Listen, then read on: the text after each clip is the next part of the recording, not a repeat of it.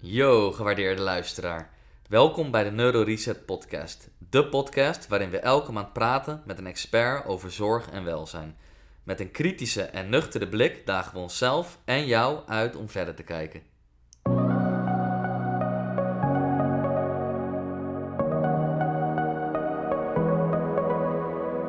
Welkom bij de vijfde podcast van NeuroReset. Wij zijn een fysiotherapiepraktijk in Hoofddorp en Hoorn en willen met deze podcast zoveel mogelijk goede informatie verspreiden over gezondheid. In deze podcast gaan we het hebben met Wouter Middelbos van Milo Education over progressieve overload. Een basisconcept in het trainen en revalideren om je lichaam steeds net een stapje beter te maken. We hebben ook voor deze podcast weer een handige handout gemaakt en deze is te downloaden via onze site www.neuroreset-fysiotherapie.nl podcast. Veel plezier! Zo, Wouter, welkom man bij onze vijfde podcast. Dankjewel, bedankt voor de uitnodiging. Alsjeblieft, leuk. We gaan het vandaag hebben over progressieve overload. Maar zou je voordat je, zou je eerst even zelf willen voorstellen? Uh, ja, ik ben dus Wouter Middelbos, uh, eigenaar van Milo Performance and Education. Um, ja, ik ben personal trainer en um, nu, 3,5 jaar geleden, opleiding gestart voor personal trainers. Dat was eigenlijk eerst voor de trainers van de Vondel Gym, dat is waar ik werk, Vondel Gym in Amsterdam. We wilden het niveau van de trainers bij de Vondel Gym uh, naar een hoger plan trekken. Uh, en daarvoor begonnen we met een gesprek, namelijk één keer per week bij elkaar zitten praten over trainen. En uh, ja, fast forward is dat uitgelopen tot een Europees erkende personal trainersopleiding. en dat doen nu ongeveer 100, ja, zo ongeveer 100 trainers per jaar. Want hoeveel opleidingen geven jullie dan per jaar? We hebben drie startdata. We werken altijd in groepen van uh, 15 uh, mensen. Uh, en dan doen we per startdata starten we twee of drie groepen. Mm -hmm. Oké. Okay. En um, als je iets zou kunnen vertellen over jullie visie, wat, hoe, hoe zien jullie, zijn jullie een beetje in die hele trainings, wat is jullie visie daarop? Um, nou ja, wat, wat wij, um, waarom we dus zijn begonnen, is dat we merkten dat binnen gym er, er, wel een verscheidenheid was in benadering van het trainersvak. Uh, mm-hmm. Wat ik totaal niet erg vind. Ik vind ook dat als je principes of theorie gaat vertalen naar de praktijk, dat dat op zich op, zich op heel veel verschillende manieren kan uiten. Uh, dus ik vond het niet zo interessant om uh, een gesprek te beginnen met het idee vooraf dat ik het antwoord al wist. Mm-hmm. Uh, maar meer om een gesprek te beginnen waarin ik eh, zou willen weten wat de beweegreden is van die andere persoon. En ehm, zo zijn we de opleiding eigenlijk begonnen. Van, ja, wij zijn nu dag in dag uit training aan het geven. Ik ben begonnen met Sefton Clark. En we waren zeer ervaren personal trainers, draaiden al beide 30 tot uh, 40 uur per week PT. Mm-hmm. Maar wat is het nou wat we dag in dag uit toepassen, wat ook daadwerkelijk tot succes rijdt? Dus eigenlijk was onze vraag van, oké, als we de theorie naar de praktijk vertalen, wat blijft er dan over? Ja. En we merkten dus dat veel trainers, um, eigenlijk zei ik, er zijn drie categorieën. Er is de trainer die uh, goed werk verricht, goed opgeleid is, eigenlijk best wel bewust is van wat hij doet, mm-hmm. maar graag wel meer wil leren. En ik denk dat dit een hele grote groep is. Ik denk dat de mensen die uh, vaak al goed werk verrichten, uh, al bewust zijn van wat ze doen, vaak ook de neiging hebben om zich nog wel meer te willen verdiepen. Dan hebben we de trainer die misschien moeilijk vindt om, om hulp te vragen. Soms wel succesvol is, soms niet, maar geen niet echt methodes of strategieën heeft. Uh, maar implementeert, uh, waarschijnlijk sociaal goed vaardig is, wat een heel belangrijke vaardigheid is als coach en trainer. Um, maar die wil je juist leren om in te zien van, ja, omdat je deze stappen hebt doorlopen, ben je waarschijnlijk tot succes gekomen. Dus die wil je meer een raamwerk geven. Mm-hmm. En daarnaast heb je ook een trainer en die is helemaal niet zo geïnteresseerd en die is eigenlijk vooral bezig met de relatie met de cliënt uh, en boekt dus, uh, ook weinig resultaat. Dus we wilden eigenlijk voor alle drie die personen een opleiding creëren waarin we dus uitgaan van principes, af en toe bijgeschaafd door de wetenschap. Uh, ik heb ook een mooie podcast opgenomen met uh, drie wetenschappers. Mm-hmm. Die zeggen ook dat de wetenschap eigenlijk al een beetje achterloopt. Vaak in de praktijk worden er al experimenten gevormd die succesvol blijken te zijn. De wetenschap moet natuurlijk met, de, met onderzoeksmethoden bewijs leveren dat iets werkt. Maar in ieder geval, je hebt basisprincipes die zijn en die worden aangescherpt door de wetenschap. Vervolgens met dat theoretisch kader uh, maken we vertaling naar de praktijk. En dat betekent uh, doen, coachen, reflecteren. Een omgeving creëren waarin iemand veel feedback krijgt op zijn of haar gedrag. En ondervraagd wordt op methodes. En uh, ja, ik denk dat dat goed gelukt is. Ja, precies. Want je ziet eigenlijk de laatste jaren best wel een enorme groei van uh, personal trainers. Hè? Best wel een wildgroei, denk ik. Misschien ook omdat het geen beschermd uh, beroep is. Maar wat is volgens jou het verschil tussen een goede en een slechte personal trainer? Waar, wat zijn daar kenmerken van, als je dat zo zou moeten omschrijven? Als we daarin mogen praten natuurlijk. Ja, ik vind het altijd wel een beetje een lastig gesprek natuurlijk. Uh, ik denk wel dat de drie groepen die ik net heb beschreven, dat is wel hoe ik de markt toen heb ingeschat. En uh, dat vind ik eigenlijk nog steeds wel. Mm -hmm. wij hebben er ook voor gekozen om, om IREPS gecertificeerd te worden. Uh, mensen die mij kennen, die weten dat ik niet per se iemand ben die uh, heel autoritair is of zich heel erg graag aan regeltjes houdt. Want wat is maar, dat Hè? Hier, wat zijn het, zijn de, het is een het is een European, European Register for Exercise Professionals. Okay. Uh, de hele grote organisaties zijn zeker heel erg groot in uh, Engeland, Frankrijk, uh, Spanje en Duitsland. en in die landen moet je ook gecertificeerd zijn om personal trainer te kunnen zijn. Dus daar is het wel een beschermd beroep. Mm -hmm. um, en we hebben ook gepraat met de Nederlandse organisatie. alleen daarin merkte ik dat het grote verschil was, en dat was ook wat ik dus het probleem vond um, in de branche is dat uh, ik heb wel bepaalde overtuigingen van uh, wat is belangrijk om te weten als personal trainer. Uh, en ik kon met de Nederlandse brancheorganisatie daar niet mee in gesprek over wat ik belangrijk vond. Ik kon zeggen niet beargumenteren waarom ik bepaalde dingen in mijn opleiding wilde. Hun wilden gewoon bepaalde onderwerpen op een bepaalde manier terug zien komen. En dat moest in je opleiding. En heb je daar dan een voorbeeld van? Wat voor onderwerpen moeten er dan in? Nou, bijvoorbeeld uh, uh, hypertrofie, uh, de, de klassieke 3 keer 12 4 keer 10 dat soort principes. die moesten op die manier in je, in je opleiding. Dat moest je dan aanleren. volgens hun methode, zeg maar. Volgens hun methode, ja. Okay. En wat je bij IREPS kon, mooi deed, en dat deed me heel erg denken aan dat je bijvoorbeeld je scriptie maakt, is je, we moesten eigenlijk al onze materiaal voorleggen. we hebben ook al onze opleidingsdagen gefilmd. Uh -huh. Um, dus dan bouw je een hele casus op. En uh, we hebben natuurlijk wel net als, uh, elke, als de Nederlandse brancheorganisatie wel bepaalde pijlers die, of onderwerpen die terug moesten komen. Maar vervolgens ging je dat eigenlijk gewoon verdedigen. Dus uh, bijvoorbeeld, ze hadden over. oh, nou, laten we hypertrofie als voorbeeld nemen. dan ging ze van vragen: welke principes heb je gehanteerd? wat is je theoretische overtuiging daarachter? Nou, dat argumenteer je dan. En dan zeggen ze: oké, hoe toets je dat dan in je opleiding. En dan moest je uitleggen hoe je theoretisch kader eruit ziet. Je moest uitleggen hoe je dat in de praktijk toepast. En je moest uitleggen hoe je dat uiteindelijk dan ging toetsen. Okay. Uh, dus dat was best wel een uh, intensief uh, traject. Um, en ik denk dat onze opleiding is daardoor dus ook veel beter, ja, ja, veel beter van geworden.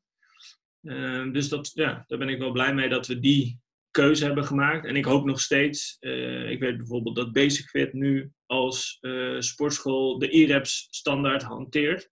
Dat uh, ja, meer organisaties zullen volgen. En dat we ja. op die manier wel in ieder geval een, een, een, een standaard creëren. en dan, ja, denk ook wel belangrijk hoor. In, op dit moment toch? Met zoveel wildgroei aan PT'ers. Wat op zich niet erg is, maar er moet wel een soort van standaardisatie zijn, denk ik. Ja, nou kijk, inderdaad, laten we als eerste zeggen dat het goed is dat er een markt ontstaat waarin mensen, andere mensen helpen in beweging te komen. Zeker. Uh, maar ik vind ook wel dat, uh, uh, zeker in Nederland heeft personal trainer ook een bepaald stigma.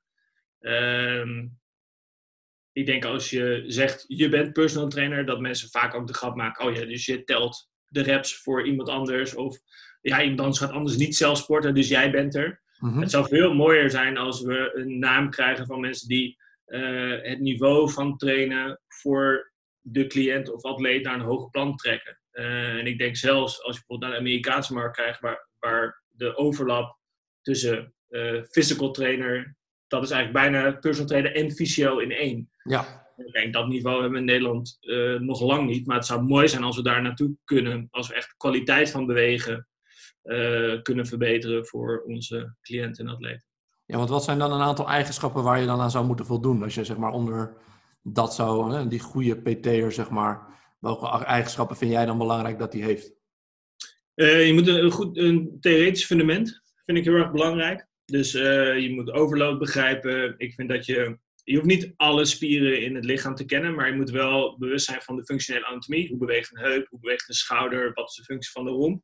Mm dus wij zeggen altijd, je wil denken in bewegen. Dat betekent dus dat je niet denkt in oefeningen. Uh, dus uh, mensen denken vaak, oké, we gaan de bovenbenen trainen. Oké, doe je dus een squat. Nou, als je de bovenbenen wilt trainen, dan doe je knie-extensie. Welke bewegingen, uh, over dat is een beweging, welke oefeningen pasten bij die beweging? Um, ik vind dat je kennis moet hebben van een aantal strategieën om tot de algemene doelstelling te komen. Dus bijvoorbeeld als je weet wat de voorwaarden zijn van hypertrofie, kan je een strategie bedenken die voor de persoon die hypertrofie teweeg wil brengen, kunnen werken. Mm dat is denk ik wel een beetje het fundament wat je hebben aan de theoretische kant. En laten we alsjeblieft ook niet vergeten dat je als personal trainer ook coach bent. Dus ik vind je sociale vaardigheden uh, moet je ook ontwikkelen. Hoe ben je een leider als je een groep geeft, maar ook bij één persoon? Um, hoe coach je iemand naar uh, betere gewoontes? Dus uh, wij zeggen altijd eigenlijk, je hebt altijd de professor aan de ene kant, maar je hebt ook de coach aan de andere kant. En ik denk de combinatie tussen die twee is heel erg belangrijk. En ik denk de connectie tussen die twee ook, dat de professor kan je zien als de wat meer koude, wat hardere kant. Die komt met de theorie. En de coach maakt de vertaling naar de praktijk. Die zorgt ook voor, hey, we werken wel met mensen. Uh, en daar heeft iedereen een ander startpunt, uh, een andere weg af te leggen. En jij als coach zorgt ervoor dat iemand die weg daadwerkelijk ook bewandelt. Jij staat ernaast en helpt die persoon in zijn ontwikkeling. Uh, en ik denk, als je die twee personen zeg maar, binnen jezelf mhm. goed ontwikkelt, dat maakt je een goede trainer. Ja, dat je het ook op lange termijn kan volhouden. Ja, want laten we alsjeblieft niet vergeten, uh, we gaan het vandaag denk ik veel over de theorie hebben. theoretische fundamenten, programmeren gaat ook veel over theorie, maar uh, we werken met mensen. En uh, dat betekent dus dat hoeveel kennis je ook hebt, als je niet kan overbrengen en je weet het niet in de juiste vorm te gieten, dat jouw cliënt op dat moment aanspreekt, gaat gewoon niet werken. Want die persoon gaat niet met jou meebewegen. En hoe mooi plan je ook hebt gemaakt, je kan hem in de prullenbak gooien, want hij werkt. Nee, het moet ook een beetje logisch voor de klant worden dat je daar ook ja, die tijd wil in investeren en ook geld natuurlijk. Ja. Zelfs als met revalidatie. Als mensen niet goed snappen wat ze nou doen en waarom ze het doen, dan houden ze het ook vaak niet vol. Dus dat is inderdaad ook... Net, uh, even in ons voorgesprek hadden we het over buy-in. Uh -huh. en buy-in is eigenlijk een term die zegt... Jij hebt een bepaald doel en plan voor ogen. En dat is misschien nog niet helemaal gelijk met waar jouw cliënt denkt heen te bewegen. Meestal als je een intake doet en je vraagt... Ja, wat is je doelstelling? Zegt die persoon, ja, ik wil fit worden. Dat is eigenlijk wat de meeste mensen tegen een personal trainer zeggen. Ehm, dat is eigenlijk nog veel te vaag. En dat betekent dus dat je moet doorvragen. En soms weet jouw cliënt zelf nog niet wat nou echt de doelstelling is. En vaak is het misschien wel heel banaal als elke ochtend als ik wakker word, heb ik een stijve rug en dan begint de dag gewoon niet lekker. Mhm. Alleen ze hebben misschien nog niet door dat ze zich niet fijn en ongelukkig voelen, omdat dat moment elke dag er weer is. En dan is jouw doel dus in gesprek erachter komen wat die doelstelling is. En ook voor zorgen dat jij zegt, oké, maar dan betekent het dus dat jij deze stappen gaat doorlopen. Dat betekent dat je twee keer per week bij mij komt. Dat betekent dat je dit met je voeding gaat doen. Dat betekent dat je dit uh, qua herstel gaat doen. Ga je met me mee? En dan is het dus de, de, de, de kunst om te zorgen dat jullie op gelijke voet dat traject gaan beginnen. Ja, dat het ook betekenis krijgt voor de klant. Ja, en dan heb je dus buy-in. Ja, precies. Ja, we gaan het vandaag natuurlijk hebben over uh, progressieve overload. Ik denk een term waar al heel veel over gesproken wordt, maar ook nog heel veel fouten in worden gemaakt, ook door mij hoor. Um, Ik heb zelf natuurlijk fysiotherapie gestudeerd. En je ziet eigenlijk dat we de, de meest mooie skills aangeleerd krijgen om uh, diagnoses te maken, uh, beweging te analyseren en dan eigenlijk die acute fase van een blessure ja, heel erg mooi op te bouwen. Maar ja. als het dan wat verder gaat, dan, ja, dan blijven we eigenlijk een beetje hangen bij die 8 tot 12 herhalingen en zes weken lang hetzelfde oefenprogramma. Um, ja. zie toch best wel veel gebeuren. Terwijl ja, voor een klant is natuurlijk uiteindelijk weer op topniveau belastbaar worden. Hoe dat dan ook voor hem of haar is, ja, wel super belangrijk. Hè? Dus Ehm, zou jij kunnen beginnen met uit te leggen wat voor jou progressieve overload is en wat dat betekent?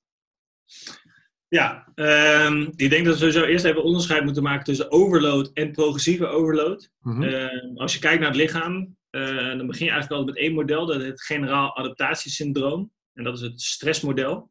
Mhm. Wat het stressmodel ons leert, is dat ons lichaam is super adaptief. Dus het kan zich heel snel aanpassen. En dat kan zowel als je nu eh, naar buiten loopt, is het warm, begin je te zweten. Je lichaam gaat de kerntemperatuur aanpassen op de omgeving. Of de kerntemperatuur moet gelijk blijven en daarom pas je je aan aan de omgeving. Als we dat naar een trainingsproces vertalen, eh, dan hebben we eigenlijk morfolo- morfologische adaptaties en we hebben neurologische adaptaties. Een morfologische adaptatie betekent een verandering aan iets, hoe we eruit zien. En neurologische adaptatie gaat over neurologische efficiëntie. En dat valt onder andere kracht onder. En wat het stressmodel ons leert, is als wij een stimulus aanbieden, een stressor, dat ons lichaam daarop reageert. Eh, en dat is eigenlijk de basis voor trainen. Dus als jij een training gaat bedenken, wat je dus eigenlijk doet, is je bedenkt een stressor, een stimulus in de vorm van een beweging voor een, een bepaalde tijd, wat eigenlijk volume is, en voor een bepaalde intensiteit, wat vaak dan gewicht is, maar dus eigenlijk weerstand. En dat is eigenlijk de basis. Dus die stressor, die kan heel licht zijn, dan hebben we geen overload. Of het kan heel zwaar zijn. En hoe zwaarder, hoe hoger eh, de overload uiteindelijk is. En dat is eigenlijk de basis van een trainingsprogramma. Dus als jij een trainingsprogramma bedenkt, ben je dus eigenlijk een stressor aan het bedenken op het lichaam. En als we dat dus gaan vertalen naar een programma, betekent dus dat je niet alleen maar rekening moet houden met wat doe ik in dat programma, maar uiteindelijk dus hoe reageert het lichaam erop. En dan trekken we een programma, kijken we niet dus alleen maar naar het papiertje met A1 doen we dit, A2 doen we dat, maar kijken we naar oké, als ik training A doe op maandag, wat gebeurt er dan op dinsdag, woensdag, donderdag, vrijdag, zaterdag, zondag? Mhm. En dan gaan we nadenken dus over, over een lange termijn programma. Maar dat begint dus bij die initiële stressor. Ja, Dus dus, overload is voor mij een stressprikkel. ja, waarbij het ook nog kan zijn in het model wat jij net zei, volgens mij, is dat je natuurlijk ook kan underloaden. Dus dat je eigenlijk te weinig doet, waardoor eh, weefsel negatief adapteert.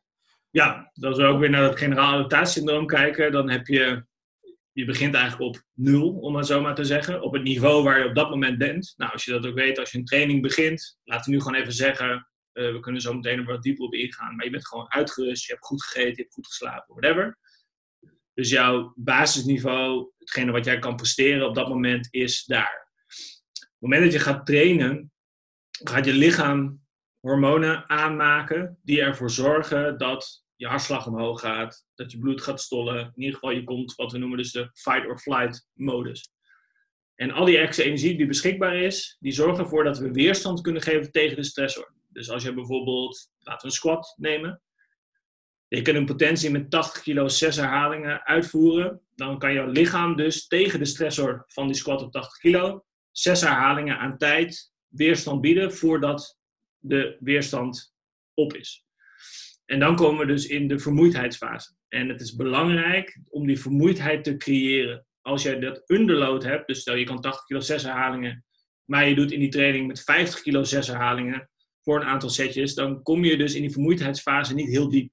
Nee. En dat is een beetje een golfbeweging. Ehm, je hebt dus een bepaalde stimulus nodig, een bepaalde hoeveelheid vermoeidheid, om je lichaam daarop te laten reageren. Eh, en ja, daar zit dus, als we nu praktisch allemaal zouden gaan uitspreken, zit daar dus heel veel variatie in. Je kan die 80 kilo keer 6 voor één set doen, voor twee sets, voor drie sets, voor vijf sets. Als je lang genoeg rust neemt, kun je misschien wel voor 10 sets doen. Mhm. Ehm, en daar zit denk ik dan ook wel de crux. Ja. Want ja, als er dus zoveel variatie is, hoe maak ik dan een keuze? Ja. Dus eigenlijk gaat het ook heel erg over het verhaal belasting en belastbaarheid. Als we het gewoon heel erg simplificeren. Toch? Ehm, Wat kan iemand Ja. aan in zijn huidige belasting of belastbaarheid? En welke belasting pas je daarop toe? Ja, ehm, even kijken of we nu niet de sprong maken. Ehm, ik denk dat ik dan even een ander model nog moet introduceren. Mhm. Het generaal adaptatiesyndroom is vrij simplistisch. Je hebt ook het fitness-fatigue model. En dat is fitness is het niveau wat je kan presteren. Dus die 80 kilo keer 6 herhalingen, dat is je maximale prestatie. Fatigue is vermoeidheid. Mhm. Die speelt altijd een factor. Ehm, en in het model heb je ook de prestatie. Dus je hebt uh, fitness, je fitnessniveau, je hebt vermoeidheid en je hebt prestatie. Op het moment dat we een training beginnen, zei ik net, nou, de ideale wereld is, je bent uitgerust, je hebt goed gegeten, je hebt de dag van tevoren niet getraind, je bent helemaal klaar op dat moment die prestatie te leveren. Dat is in de praktijk natuurlijk nooit zo. Mm Je hebt nooit een cliënt die binnenkomt, ja, misschien één in de tien trainingen, dat diegene echt zegt van, ja, bam, ik ben er helemaal klaar voor, ik heb goed gegeten, weet je wel dat. Je hebt altijd te maken met, hoe was de paar nachten daarvoor de slaap, hoe was de paar dagen daarvoor het eten, wat heb je in die, qua belasting, en dat kan training, maar dat kan ook andere belasting zijn. Uh, gedaan dat er ook bij, bijvoorbeeld? Stress en dat soort dingen? Ja, dus het generaal adaptatiesyndroom leert ons dus ook dat uh, ons lichaam op alle stress reageert. Dus zowel, uh, je hebt net daarvoor een super heftige meeting gehad waar je drie dagen al had voorbereid. Dus adrenaline was super hoog, je hebt daar een prestatie geleverd. Een uur later ga je een zware training doen, dat is waarschijnlijk niet heel handig op elkaar afgestemd. Uh, heb je net kinderen en je slaapt dus elke avond zes uur, in plaats van netjes acht, nou eigenlijk zes uur is waarschijnlijk nog wel netjes, maar je slaapt veel minder. Uh, dan zegt dat ook iets over de hoeveelheid energie die je te spenderen hebt. Uh, dus dat fitness fatigue model leert ons eigenlijk dat de vermoeidheid de fitness maskeert. Dus hoe meer vermoeidheid er in het lichaam is, dat kan heel specifiek zijn als ik heb de dag daarvoor gesquat, dus ik ga nu niet dezelfde prestatie leveren op de squat. Maar dat kan ook algemener zijn als ik heb de dag daarvoor een zware training gehad. Misschien niet per se de squat zelf, maar misschien wel een leg press of lunges. Of nog algemener, ik heb gewoon slecht geslagen, ik heb niet gegeten. Al die vermoeidheid bij elkaar zorgt ervoor dat op dat moment de prestatie lager is dan de fitness die je zou kunnen leveren. Ja. ja. Um, dus daar komt weer op ons punt met belasting en belastbaarheid. Is dat um, als je een trainingsprogramma uitschrijft, wil je dus altijd uh, ruimte laten om te monitoren wat op dat moment de belastbaarheid is van je cliënt. En daar wil je weer de belasting op aanpassen. Ja, wat zijn dan allemaal dingen die je zou kunnen monitoren? Dat blijft natuurlijk best wel abstract. Ja, um, hierin moet ik ook zeggen, hier ben ik zelf, of ga ik zelf, ook best wel heen en weer. En eigenlijk pas ik ook mijn uh, vragen en uh, de hoeveelheid informatie die ik gebruik ook aan op uh, de doelen en de bereidheid van mijn cliënt. Dus mhm. laat ik even een, een, extreem voorbeeld geven. ik heb nu een jongen, die doe ik online coaching. Die traint zes dagen per week. Uh, voelt zijn programma altijd super strak in, doet zijn voeding altijd super strak. Ik weet dat zijn slaap goed is. Uh, kortom, zijn bereidheid om zijn doelstelling te behalen is heel hoog. Uh, dat betekent ook dat alle informatie die ik van hem krijg heel, uh, of is heel direct toepasbaar op het trainingsproces. Daartegenover, ehm, ja, dat doe ik dan nu niet meer, maar heel lang PT gegeven. En dan had ik heel veel cliënten die gewoon één à twee keer per week trainen. En een doelstelling was ook daadwerkelijk, ik voel me niet heel fit en energiek. Ik wil me energieker voelen. Ja. Op dat moment is de bereidheid om tijd en energie in het trainingsproces te steken vele malen lager dan het voorbeeld van mijn online cliënt. Dat betekent ook dat het niet heel veel zin heeft om dan hartslag te meten als iemand binnenkomt. Eh, een logboek bij te houden van de slaap, uh, voeding, calorieën tellen, alles helemaal uitmeten, omdat het trainen gaat in dit geval vooral uit om een bepaald basisniveau te behalen. Dus ik focus op kwaliteit van bewegen. Meestal hebben ze wel ergens kwaaltjes, daar maken we een trainingsprogramma omheen. En ik mhm. neem één of twee gewoontes waarvan ik weet dat wordt kwaliteit van leven wordt beter en de belastbaarheid wordt hoger. Dus in plaats van dat we al die parameters pakken, weet ik van oké, als slaap slecht is, bam, daar begin ik gewoon als eerste. Dat ga ik monitoren. Als dat wat beter is, tweede is voeding. Dat is altijd het tweede waar, waar goed Hoe zou je die slaap dan uh, monitoren? Uh, gewoon uren bijhouden. Okay. Uh, daar begin je ook mee. Dus eigenlijk, dat doe ik bij een trainingsprogramma bijna altijd. Is begin niet met een interventie. Dus probeer eigenlijk altijd eerst gewoon een basisniveau ehm, te meten.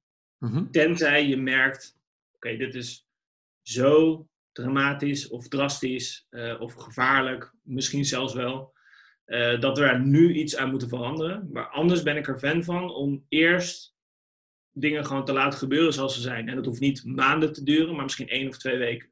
Dus als je met iemand met voeding begint, begin gewoon eerst alleen maar met wil je of mij foto's sturen van je maaltijden, of wil je het even in deze app bijhouden. Maar niet per se, je moet zoveel calorieën eten. Gewoon alleen maar bijhouden. soort bewustzijn creëren. Bewustzijn creëren. Ja. En dat gaat die persoon veranderen, sowieso. Eh, want één, als diegene het doet, ben je al een gewoonte aan het creëren. Eh, en twee, als diegene het doet en die gewoontes creëert, creëer wat jij net zegt, ook bewustzijn. Mhm. Mensen gaan hun voeding al veranderen zonder dat jij iets zegt, door het alleen te laten bijhouden. Omdat ze denken, wow, stop ik dit allemaal in mijn mond? Of wauw, als ik dit nu eerst allemaal naast elkaar leg en ik zie ook daadwerkelijk wat ik eet, dan zijn de keuzes die ik maak best wel ongezond. Mensen hebben daar echt wel veel bewustzijn van. En op basis daarvan eh, begin je een gesprek. En ehm, ik denk daar, daarmee ook dat je een situatie creëert waarin mensen fouten durven maken. Want eigenlijk beginnen ze, om tussen haakjes even te zeggen, met een fout. Namelijk, ze zien in dat, hé, hey, ik zeg, ik ben niet fit en energiek.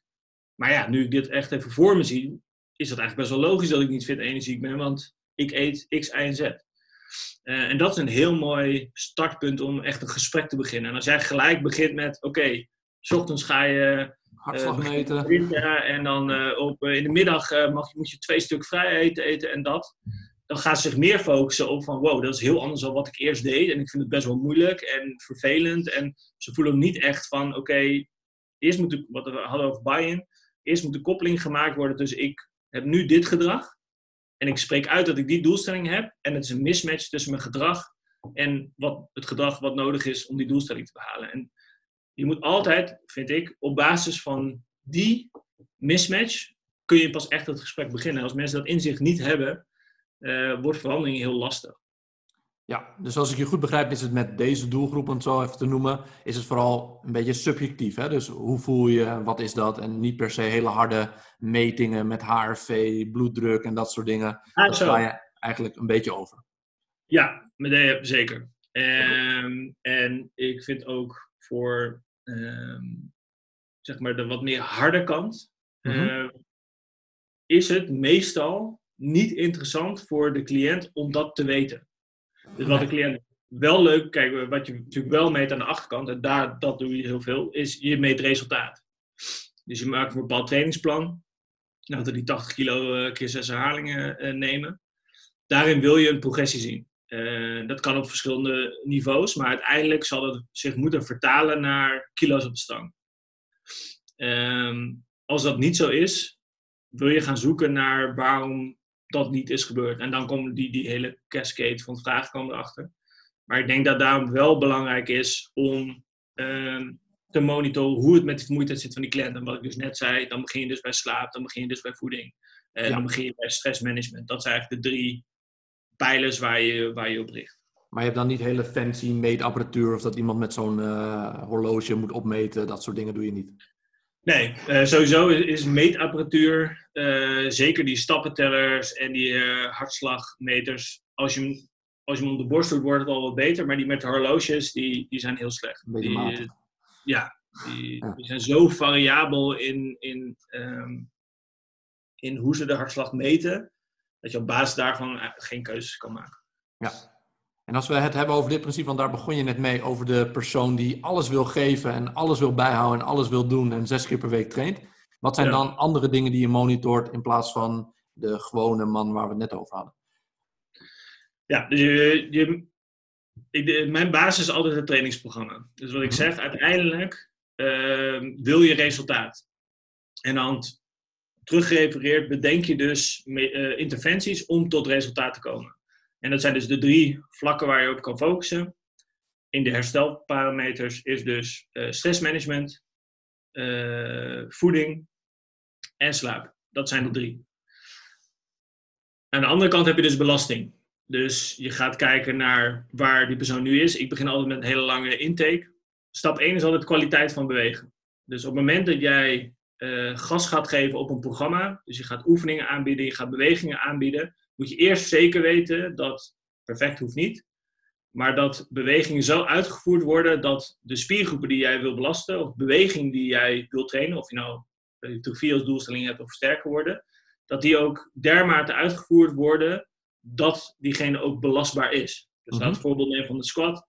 Was diegene extreem in flexie, met een extreme buttwink, hele heftige knievelges, eh die oefening uitvoert, dan is het niet handig om drie keer per week een bepaalde hoeveelheid sets te laten uitvoeren in die beweging. Dan wil je eerst het basisniveau van de beweging opwerken. Dus kwaliteit van bewegen vind ik altijd, dat is gewoon de basis. Vervolgens uh, begin je belastbaarheid en dan komen we wel bij de wetenschap. Dan zijn er uh, aan de ene kant weten we de structuren of de omgeving die we willen creëren om sterker te worden, of de omgeving die we willen creëren om, nou, laten we zeggen groter, maar meer spiermassa Mhm. te creëren. Vanuit wat je weet wat hypertrofie is en wat kracht is, kun je een programma bedenken. Dus wat we bijvoorbeeld weten voor hypertrofie, we hebben, eh, het is een lokaal proces. Dus dan weet je al, oké, ik ga een programma uitschrijven waarin we spiergroepen gaan isoleren. Of in ieder geval gaan nadenken van, als ik een bepaalde spiergroep wil trainen, hoe zorg ik ervoor dat die spiergroep de limiterende factor is voor, voor die oefening. Vervolgens weten we iets over welke intensiteit we het beste in kunnen werken. En we weten hoeveel volume je nodig hebt om hypertrofie te creëren. Dat is minimaal 10 sets per week. En de max gaat, nou ja, er zijn zelfs onderzoeken richting 40 sets per week. Nou, dat is wel pittig. Maar we weten ongeveer tussen de 10 en de 30. Ja. Ehm, voor kracht geldt dat de kwaliteit van bewegen waar het eerder over hebben, dat is belangrijk. De kracht is een skill, het is technisch en we hebben die neural drive nodig. Dus hè, kracht begint met een idee. Dat is een, eh een die gaat richting de spiergroepen die de beweging moeten uitvoeren. En je wil dat die impuls, die moet zo hoog mogelijk. Dus wil je een omgeving creëren waarin iemand die maximale impuls kan leveren. Dat zijn de principes. Alleen nu komt de praktijk en daarin eh, is het testen. Ik zeg altijd dat mensen bij mij eh, in de opleiding bij Milo, als ze vragen over programmeren, zeg ik ja, als jij nu binnenkomt lopen en ik weet niks van jou, kan ik voor jou een algemeen programma schrijven die klopt volgens de principes van hypertrofie of van kracht. Maar ik kan niet het beste programma voor jou schrijven. En je kan alleen maar een goed programma voor iemand schrijven op het moment dat je die persoon beter leert kennen. Want ik kan wel tegen jou zeggen, ja, je gaat nu 12 sets per week doen als hypertrofie. Maar ik kan ook tegen jou zeggen, je doet 16 sets, 24 sets, 28 sets. Ja, maar hoe weet ik dan wat voor jou het beste werkt? Dat kan je alleen maar weten door te testen en te proberen. Ehm, en je houdt dan dus wel rekening met belastbaarheid. En daar kan je wel, volgens die drie pijlers waar we het net over hadden, kan je wel een inzicht krijgen in hoe belastbaar iemand waarschijnlijk is.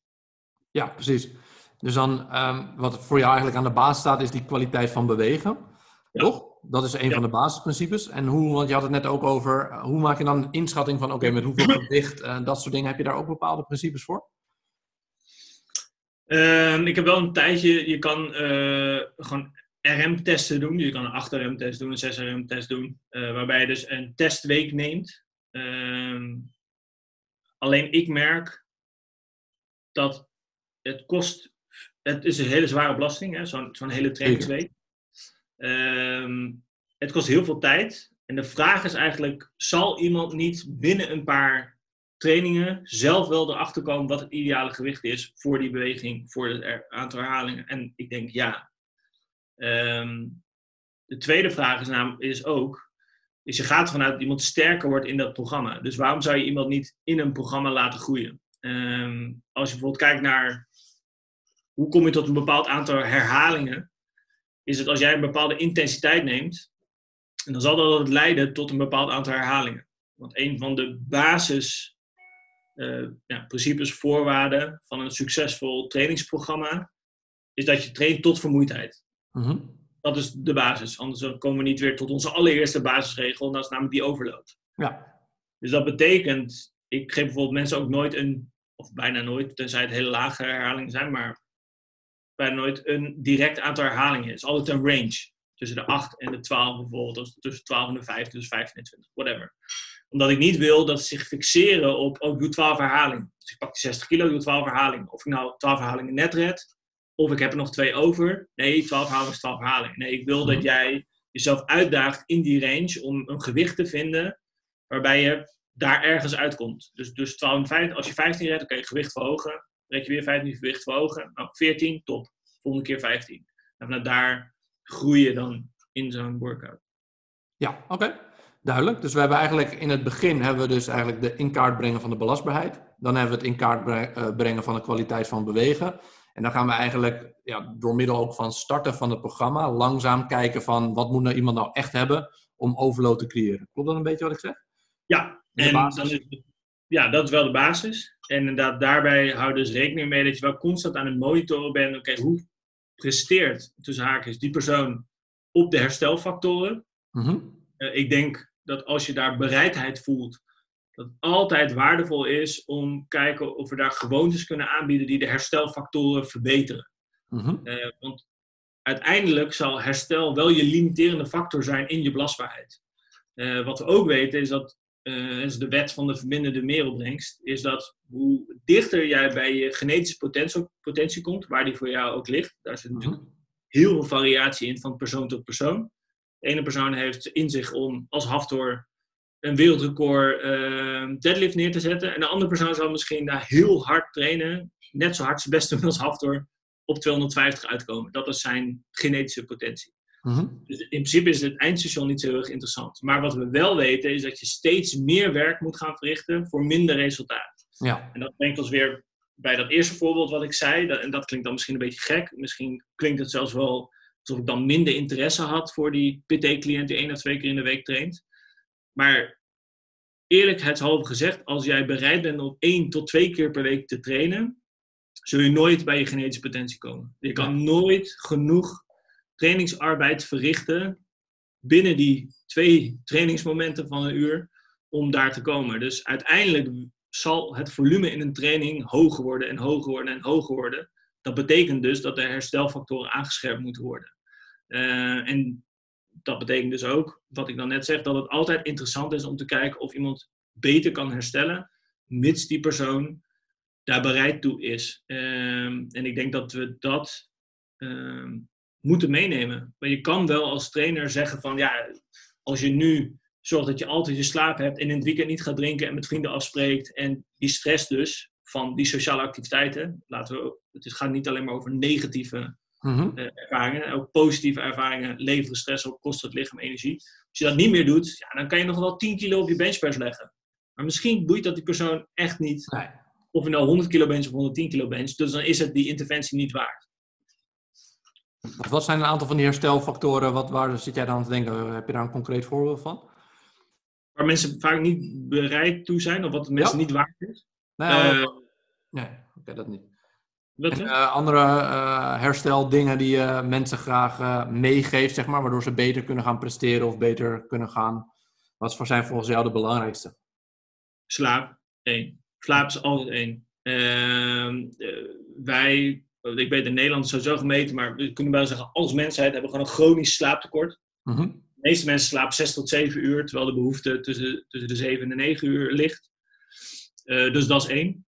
Ehm, twee, dat is in Amsterdam dus echt superveel, is alcoholgebruik. Mhm. Ja, is eh, hier gewoon meer dan normaal dat je of na het werk eh één of twee wijntjes drinkt en sowieso vrijdag, zaterdag, zondag eh, drinkt.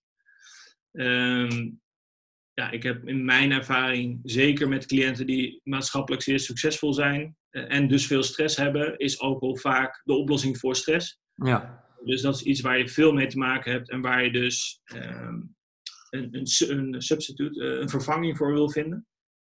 Ehm, en voeding. Ehm, veel al veel te weinig eiwitten eten. Of heel variabel in het aantal calorieën wat je binnenkrijgt. Dus als mensen bijvoorbeeld een drukke werkdag hebben, hebben ze de neiging om veel te weinig te eten. En op het moment dat ze een dag vrij zijn, gaan ze echt overconsumeren. Wat dus betekent dat eh, als er geen eh trainingsstimulus tegenover staat, wordt het veelal vetopslag. En zo kom je vaak tot wat we dan noemen skinny fat eh, mensen. Mhm. Ze vallen wel af als ze veel aan het werk zijn, maar verliezen daardoor spiermassa. Want ze hebben geen stimulus om spiermassa te behouden.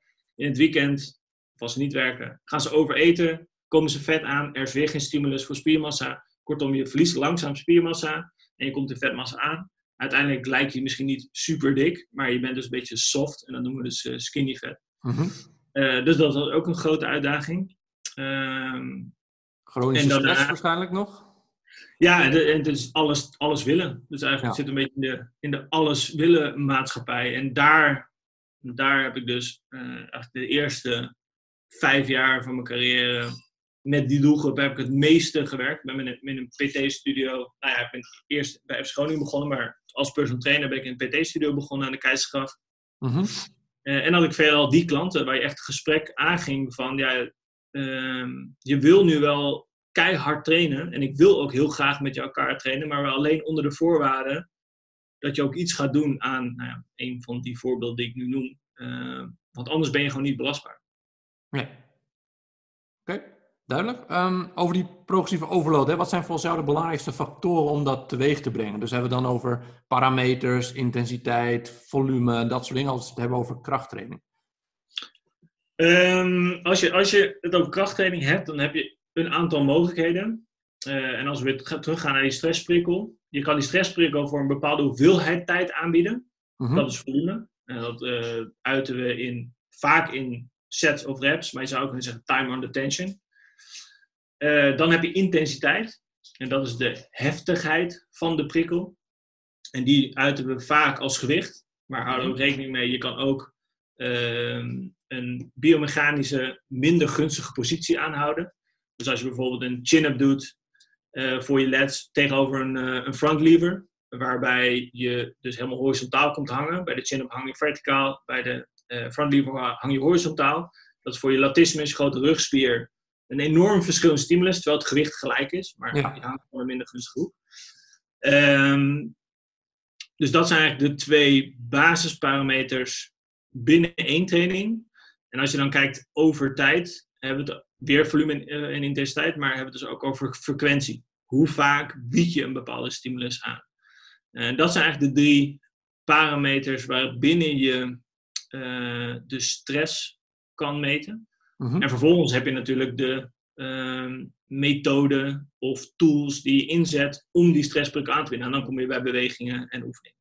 En als je een piramide zou moeten maken waarin de onderste een van de belangrijkste is, welke zou je dan onderaan zetten? Is dat intensiteit? Ligt aan, of... Ja, ligt aan de, aan de doelstelling.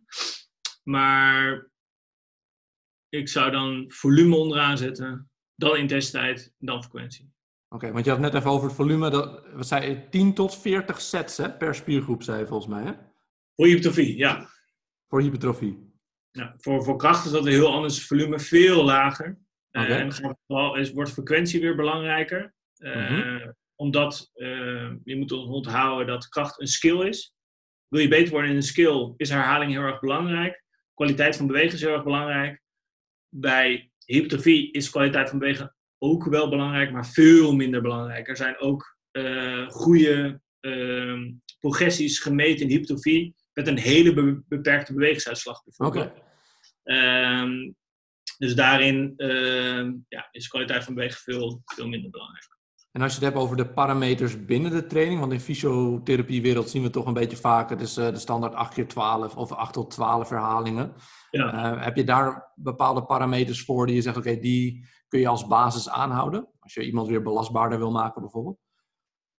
Uh, maar heb je het nou specifiek over spiergroei?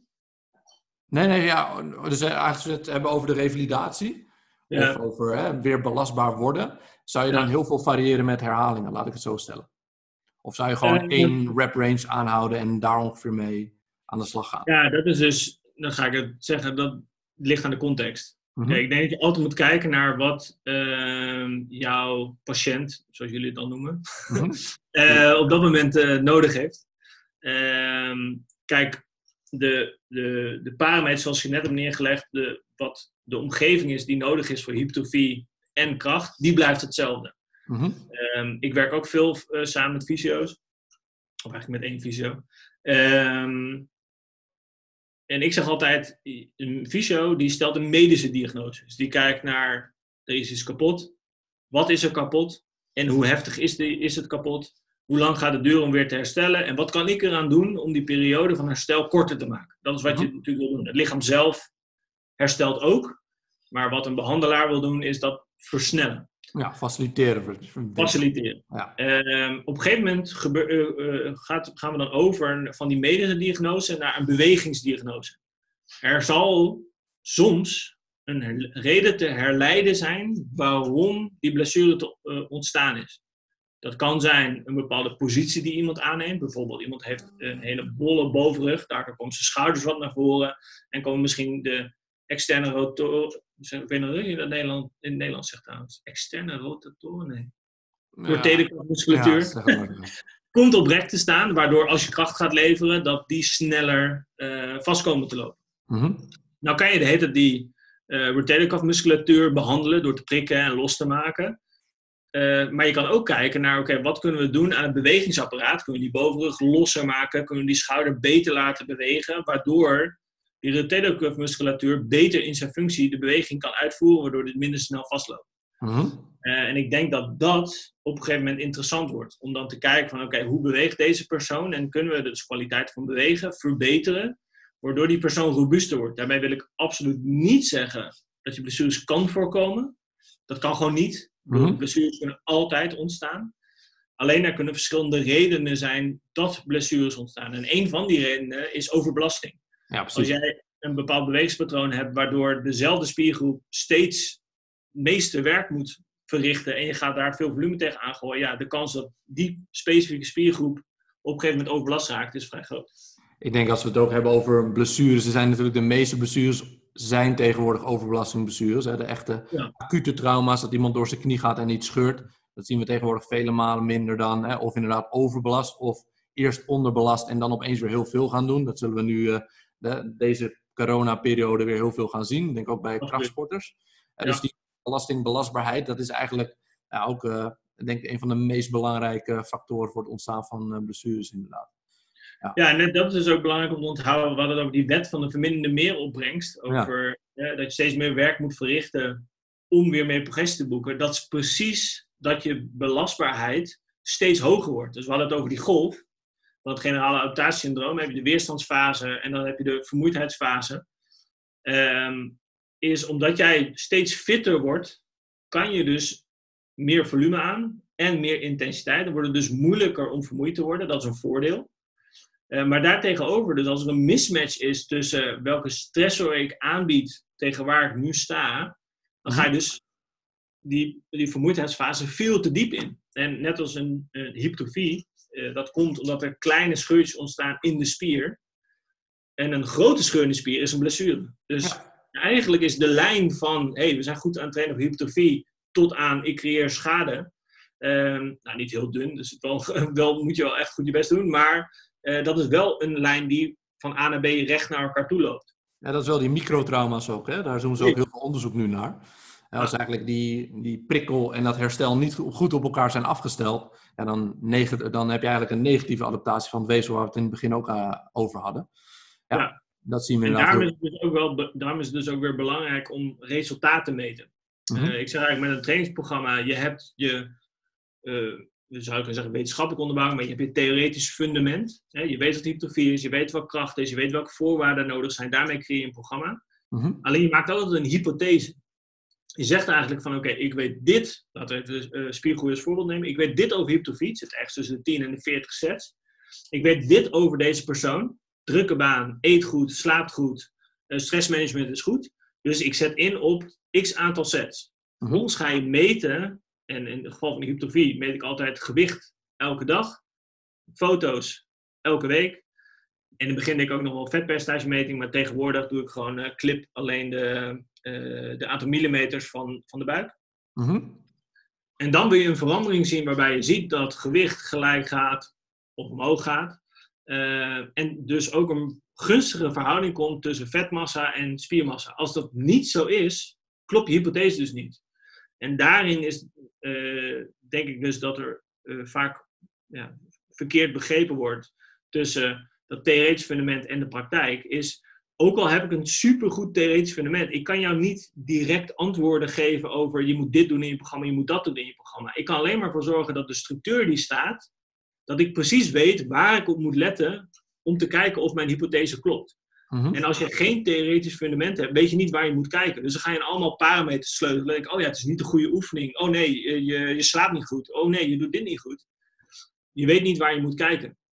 En als je een goed theoretisch fundament hebt en je hebt een hypothese gemaakt, van, nou, ik denk dus dat het zoveel sets moet zijn met deze oefeningen, dan kan je vanaf daar langzaam het programma veranderen nadat het steeds beter werkt, steeds beter werkt, steeds beter werkt. Ja.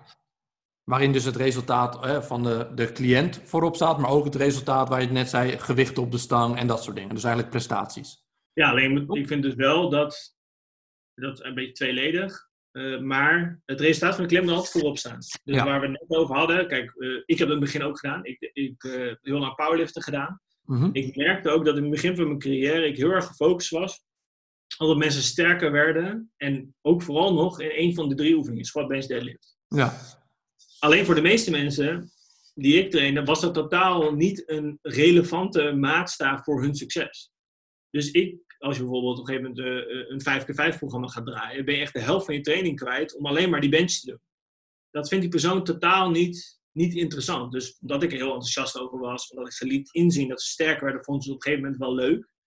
Maar ik op een gegeven moment bedacht ik me van ja, ik ben nu gewoon een totale mismatch aan het creëren tot waar diegene warm van wordt. Wat die doelstelling is voor die persoon die binnenkomt en wat ik aanbied. Mhm. Je wil altijd de stressoren die je aanbiedt, moeten ertoe leiden dat diegene zijn doelstelling behaalt. Dus wat ik dus net zei, in het begin, dan kan ze in je intake of in je eerste paar trainingen, moet je echt duidelijk krijgen van wat wil deze persoon echt? Waar wordt deze persoon warm van? Waar, waarvoor gaat deze persoon harder rennen? Ja. Het kan zoiets zijn als ik word elke ochtend wakker en ik heb een stijve rug.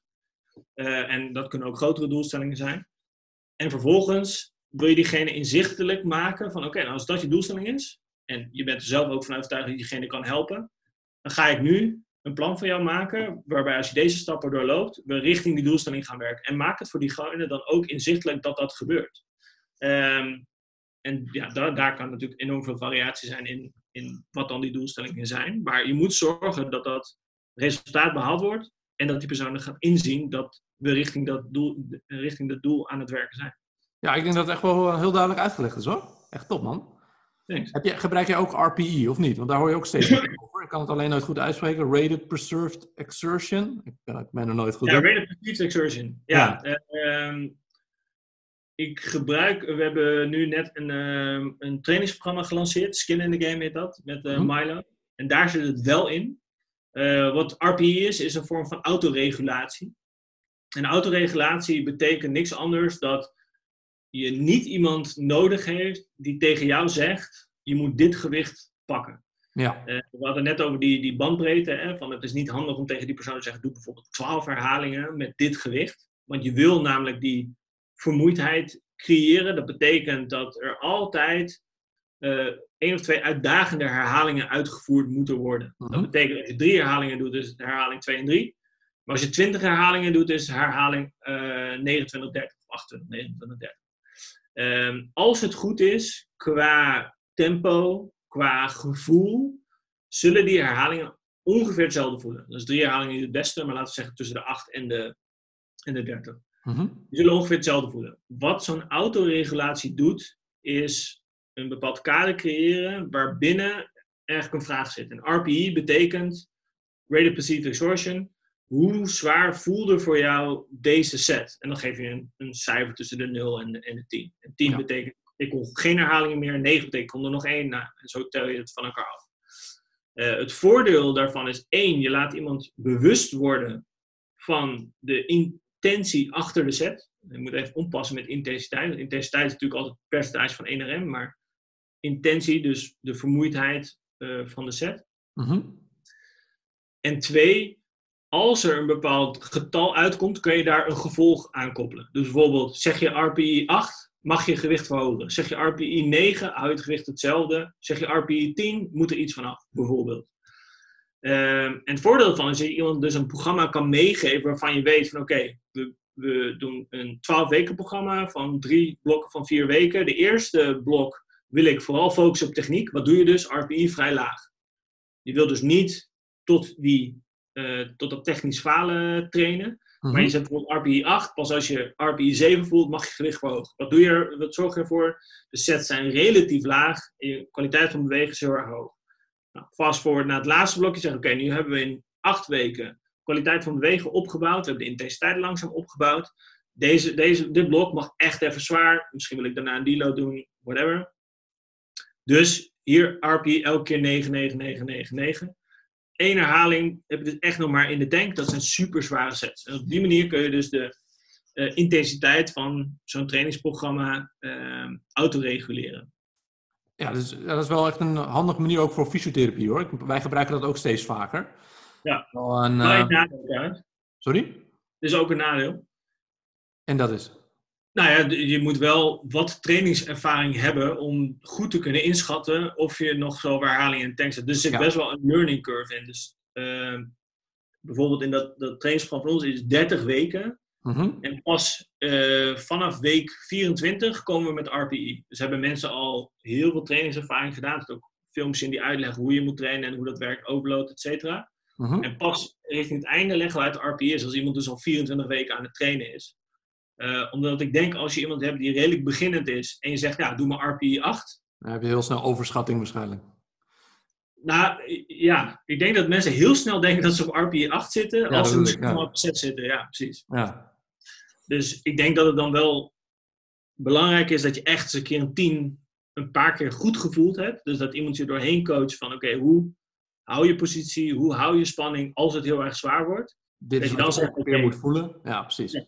Dan zeg je, dit is een team, dit is je benchmark. Mhm. En vanaf hier mag je wel bepalen wat je RPE is. Maar ik denk als je dat, ehm, zeg maar als die benchmark verkeerd wordt gelegd, als iemand in plaats van een 10 op een 8 en maar daar een 10 van maakt, dan ga je dus elke keer underachieven. Op het moment dat je zegt, hey, nu moet je even gas geven, redt iemand nooit die 9 of die 10. Nee, precies. En dan schiet je dus eigenlijk de plank volledig mis. Ja, en dan gaat het programma gewoon totaal mis. Ja. Ja, dat is een beetje jammer. Top man, duidelijk. Ehm, ik had ook nog wat kijkersvragen om het zo even te noemen. Ik moet zo alleen even, dit plak ik er even weer later op. Even kijken. Oké. Die- Eén iemand vraagt, maar dat hebben we al een beetje gehad. Is het belangrijk om programma's voor een maand te maken of juist langdurige periodisering of naar de vorm van de dag te kijken? Ah, ja, dat is een goede vraag, vind ik dat. Ehm, dat- ik bedacht me net dat we één principe die nog wel belangrijk is, nog niet hebben benoemd. Mhm. Eh, en dat is. ehm, God, ben ik even kwijt. Oh ja, repeated bout effect. Een repeated bout effect is eh, een effect wat als jij een bepaalde stressor hebt ondervonden, dat Mhm. de hevigheid van de reactie vanuit jouw lichaam steeds minder wordt. En dus geef wel het voorbeeld van bungee jumpen. Als je de eerste keer bungee jumpt, is de stress mega hoog. Heb je het duizend keer gedaan, is de stress nog vrij laag. Ja, Eh, en met trainen werkt precies hetzelfde. Als jij een bepaalde stressor aanbiedt, dus bijvoorbeeld squats, acht herhalingen, twee keer per week, dan wordt de effectiviteit van die stressor wordt steeds lager, omdat je lichaam eh, zich aanpast op die stressor. Nou is een kleine variant dat je het gewicht eh, verhoogt, dus dat kan één manier zijn van progressief overladen. Eh, maar op een gegeven moment kan zelfs het heel handig zijn om eh, het bewegingspatroon te veranderen. Omdat misschien binnen de squat, dus bijvoorbeeld je voelt de squat uit, wat altijd gebeurt is je strekt je knieën eerder dan dat je heup. Dus dat noemen we dan de stripper squat. Je valt zeg maar voorover.